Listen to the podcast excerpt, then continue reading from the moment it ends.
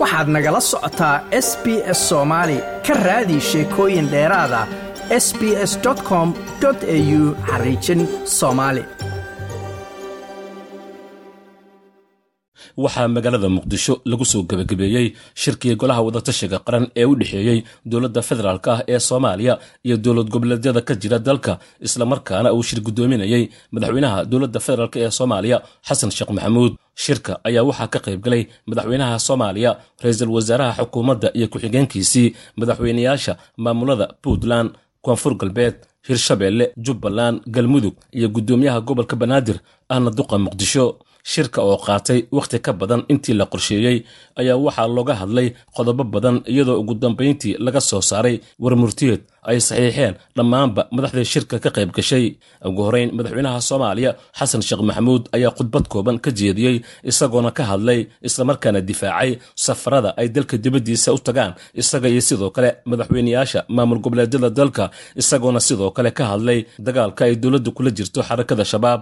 Dadka soomaaliyeed hal dhinac ay wada jeesaan. Ballantii aan qaadnay ee ahayday soomaaliya heshiis ah ayaan ku taagannahay astaanteediina waad aragtaan. Iyo sidoo kale shabaab iyo maxaanku yidhahdaa daacish oo puntland ayagana muxuu ah meelo ka mid ahoo yaryar maxaa ku harsan oo ku jira.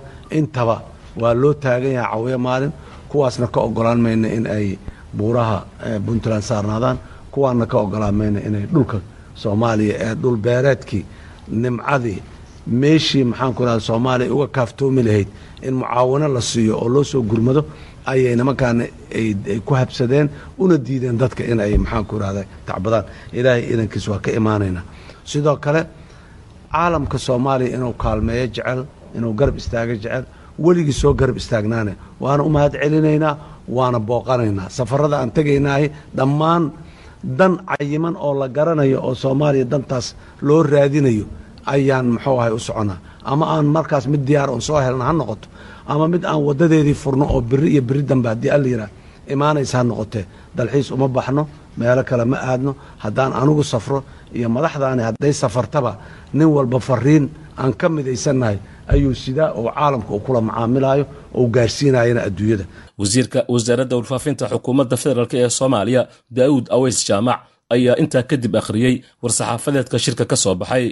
Shirka waxaa ka soo qayb galay ra'iisul wasaaraha xukuumadda federaalk ee soomaaliya mudane xamse cabdi bare ra'iisul wasaare ku-xigeenka xukuumadda federaalk ee soomaaliya mudane saalax axmed jaamac madaxweynaha puntland mudane siciid cabdulaahi deni madaxweynaha jubbaland mudane axmed maxamed islaan madaxweynaha koonfur galbeed mudane cabdicasiis xasan maxamed laftagareen madaxweynaha galmudug mudane axmed cabdi kaariye qoorqoor madaxweynaha hirshabeelle mudane cali guudlaawe xuseen iyo guddoomiyaha gobolka banaadir sheekh xuseen yuusuf jimcaale madaale. Ugu horeyn golaha wadatashiga qaran wuxuu tacsi u dirayaa shacabka soomaaliyeed ehelada iyo qoysaskii ay ka baxeen dadkii ku shahiiday weeraradii argagixiso guud ahaan dalka gaar ahaanna weerarkii sagaalabaatanka oktoobar ee agaarka zoob ee magaalada muqdisho. Sidoo kale golahu wuxuu ilaah uga baryayaa inta dhaawacantay inuu u boogadhayo inta ku hanti beeshayna beddel khayr qaba alle siiyo goluhu wuxuu cambaaraynayaa gumaadkay khawaariijtu ku hayso ummadda soomaaliyeed ee muslimiinta ah. Golaha wadatashiga qaran waxa uu bogaadinayaa guulaha isdabajoogga ah ay gaareen ciidanka qalabka sida oo kaashanaya kacdoonka shacabka soomaaliyeed ee guud ahaan dalka laga ciribtirayo khawaariijta. Waxa uu ammaanay gargaarka bini'aadamnimo iyo gurmadka dadka ay abaaruhu saameeyeen ay waddo xukuumadda federaalk ee soomaaliya oo kaashanaysa shacabka dowladaha xubnaha ka ah dowladda federaalka iyo beesha caalamka. Golu wuxuu bogaadinayaa dhaqanka deganaanshiyaha siyaasadeed wada noolaanshiyo dimuqraadiyadda ay somalilan ku soo caanamaashay. Wuxuuna ugu baaqayaa madaxda iyo shacabka somalilan inay ilaashadaan xasiloonnida iyo nabadda. Waxa uu bogaadinayaa ganacsada soomaaliyeed iyo dowladda puntland ee hirgeliya dekadda garacad oo noqotay isku tashi uu dayasho mudan. Wuxuu bogaadinayaa dadaalka ay dowladda puntland ugu jirto horumarinta hanaanka dimuqraadiyiinta iyo qabashada doorashooyinka qof iyo coda.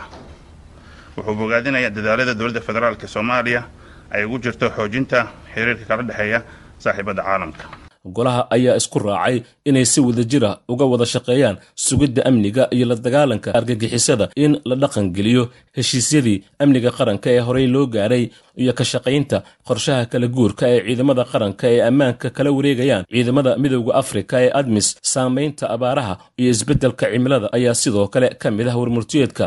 Iyadoo la tix raacaya qodobadii ka soo baxay warmurtiyeedyadii shirarkii golaha wadatashiga qaran ee labaiy tobanka juun iyo labaiy tobanka sebtembar labada kun labaatan iyo labada golo wuxuu ka wada hadlay kuna heshiiyey qodobada soo socda.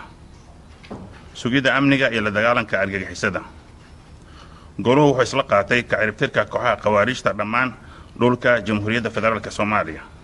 Goluhu wuxuu isku raacay in howlgallada la waafajiyo istaraatiijiyad qaran ee la dagaalanka khawaariijta layskuna dubarido dadaalada kala duwan. Goluhu wuxuu isla qaatay dhaqangelinta heshiiska qaabdhismeedka amniga qaranka ee la saxeixay abriil wixii farsamo ahna waxaa ka shaqayn doona guddi farsamo. Goluhu wuxuu dhiirigelinayaa dardargelinta qorshaha kala guurka ciidamada qaranka ay ka kala wareegayaan mas'uuliyadda amniga ciidamada midooda afrika admis si dhammaystiran. Gurmadka abaaraha iyo la tacaalidda saameynta isbedelada cimilada isbeddelka cimilada goluhu wuxuu diiradda saaray saameynta abaaraha soo noqnoqonaya ee dalka ka jira iyo raadka ay ku reebayaan habnooleedka bulshada soomaaliyeed. Goluhu wuxuu hay'adaha gargaarka faraya dardargelinta gurmadka abaaraha. Goluhu wuxuu sidoo kale isla qaatay baahida weyn ee loo qabo maaraynta iyo la tacaalidda saameynta isbeddelka cimilada iyo dhisidda kaabayaasha u adkaysiga aafooyinka ugu dambayntii goluhu waxauu isku raacay in dalka laga dhaqangeliyo qabashada doorashooyin xor ah oo laba noocihi dib u eegista iyo dhammaystirka dastuurka iyadoo la iclaamiyey xilliga la isugu imaan doono shirkankan xiga dardargelinta dib u eegista dastuurka. Goluhu wuxuu isla qaatay in mudnaan gaara la siiyo qodobada wadaxaajoodka siyaasadeed ee u baahan si loo dhammaystiro dib u eegista dastuurka kumeelgaarka ah. Goluhu wuxuu isku raacay in xukuumadda federaalka soomaaliya iyo dowladaha xubnaha ka ah dowladda federaalka ay soo dhammaystiraan xubnaha ka dhiman guddiyada u xilsaaran dib u eegista dastuurka kumeelgaarka ah. Afar dimuqraadiyeynta iyo doorashooyinka. In dalka laga dhaqangeliyo nidaamka xisbiyada badan iyadoo dib loo milixsanayo xeerarka xisbiyada iyo doorashooyinka. In dalkao dhan laga hirgeliyo doorashooyin xora oo hufan kuna salaysan codbixiyayaal diiwaan gashan iyo xisbiyo u tartama golayaasha heerarka kala duwan in dalka laga qabto laba doorasho mid heer federaal ah iyo mid dowladaha xubinta ka ah dowladda federaalka. Shan jadwalka ay habraaca shaqe golaha wadatashiga qaran.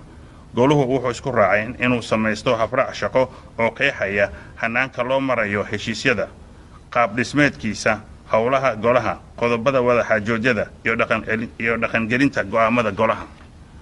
Goluhu wuxuu isku raacay in labada shir ee soo socda ay qabsoomaan disembar iyo febraayo ka ma doonaysaa sheekooyinkan oo kale? Ka dhegayso apple podcast google podcast spotify ama meel kasta oo aad bodkastigaaga ka hesho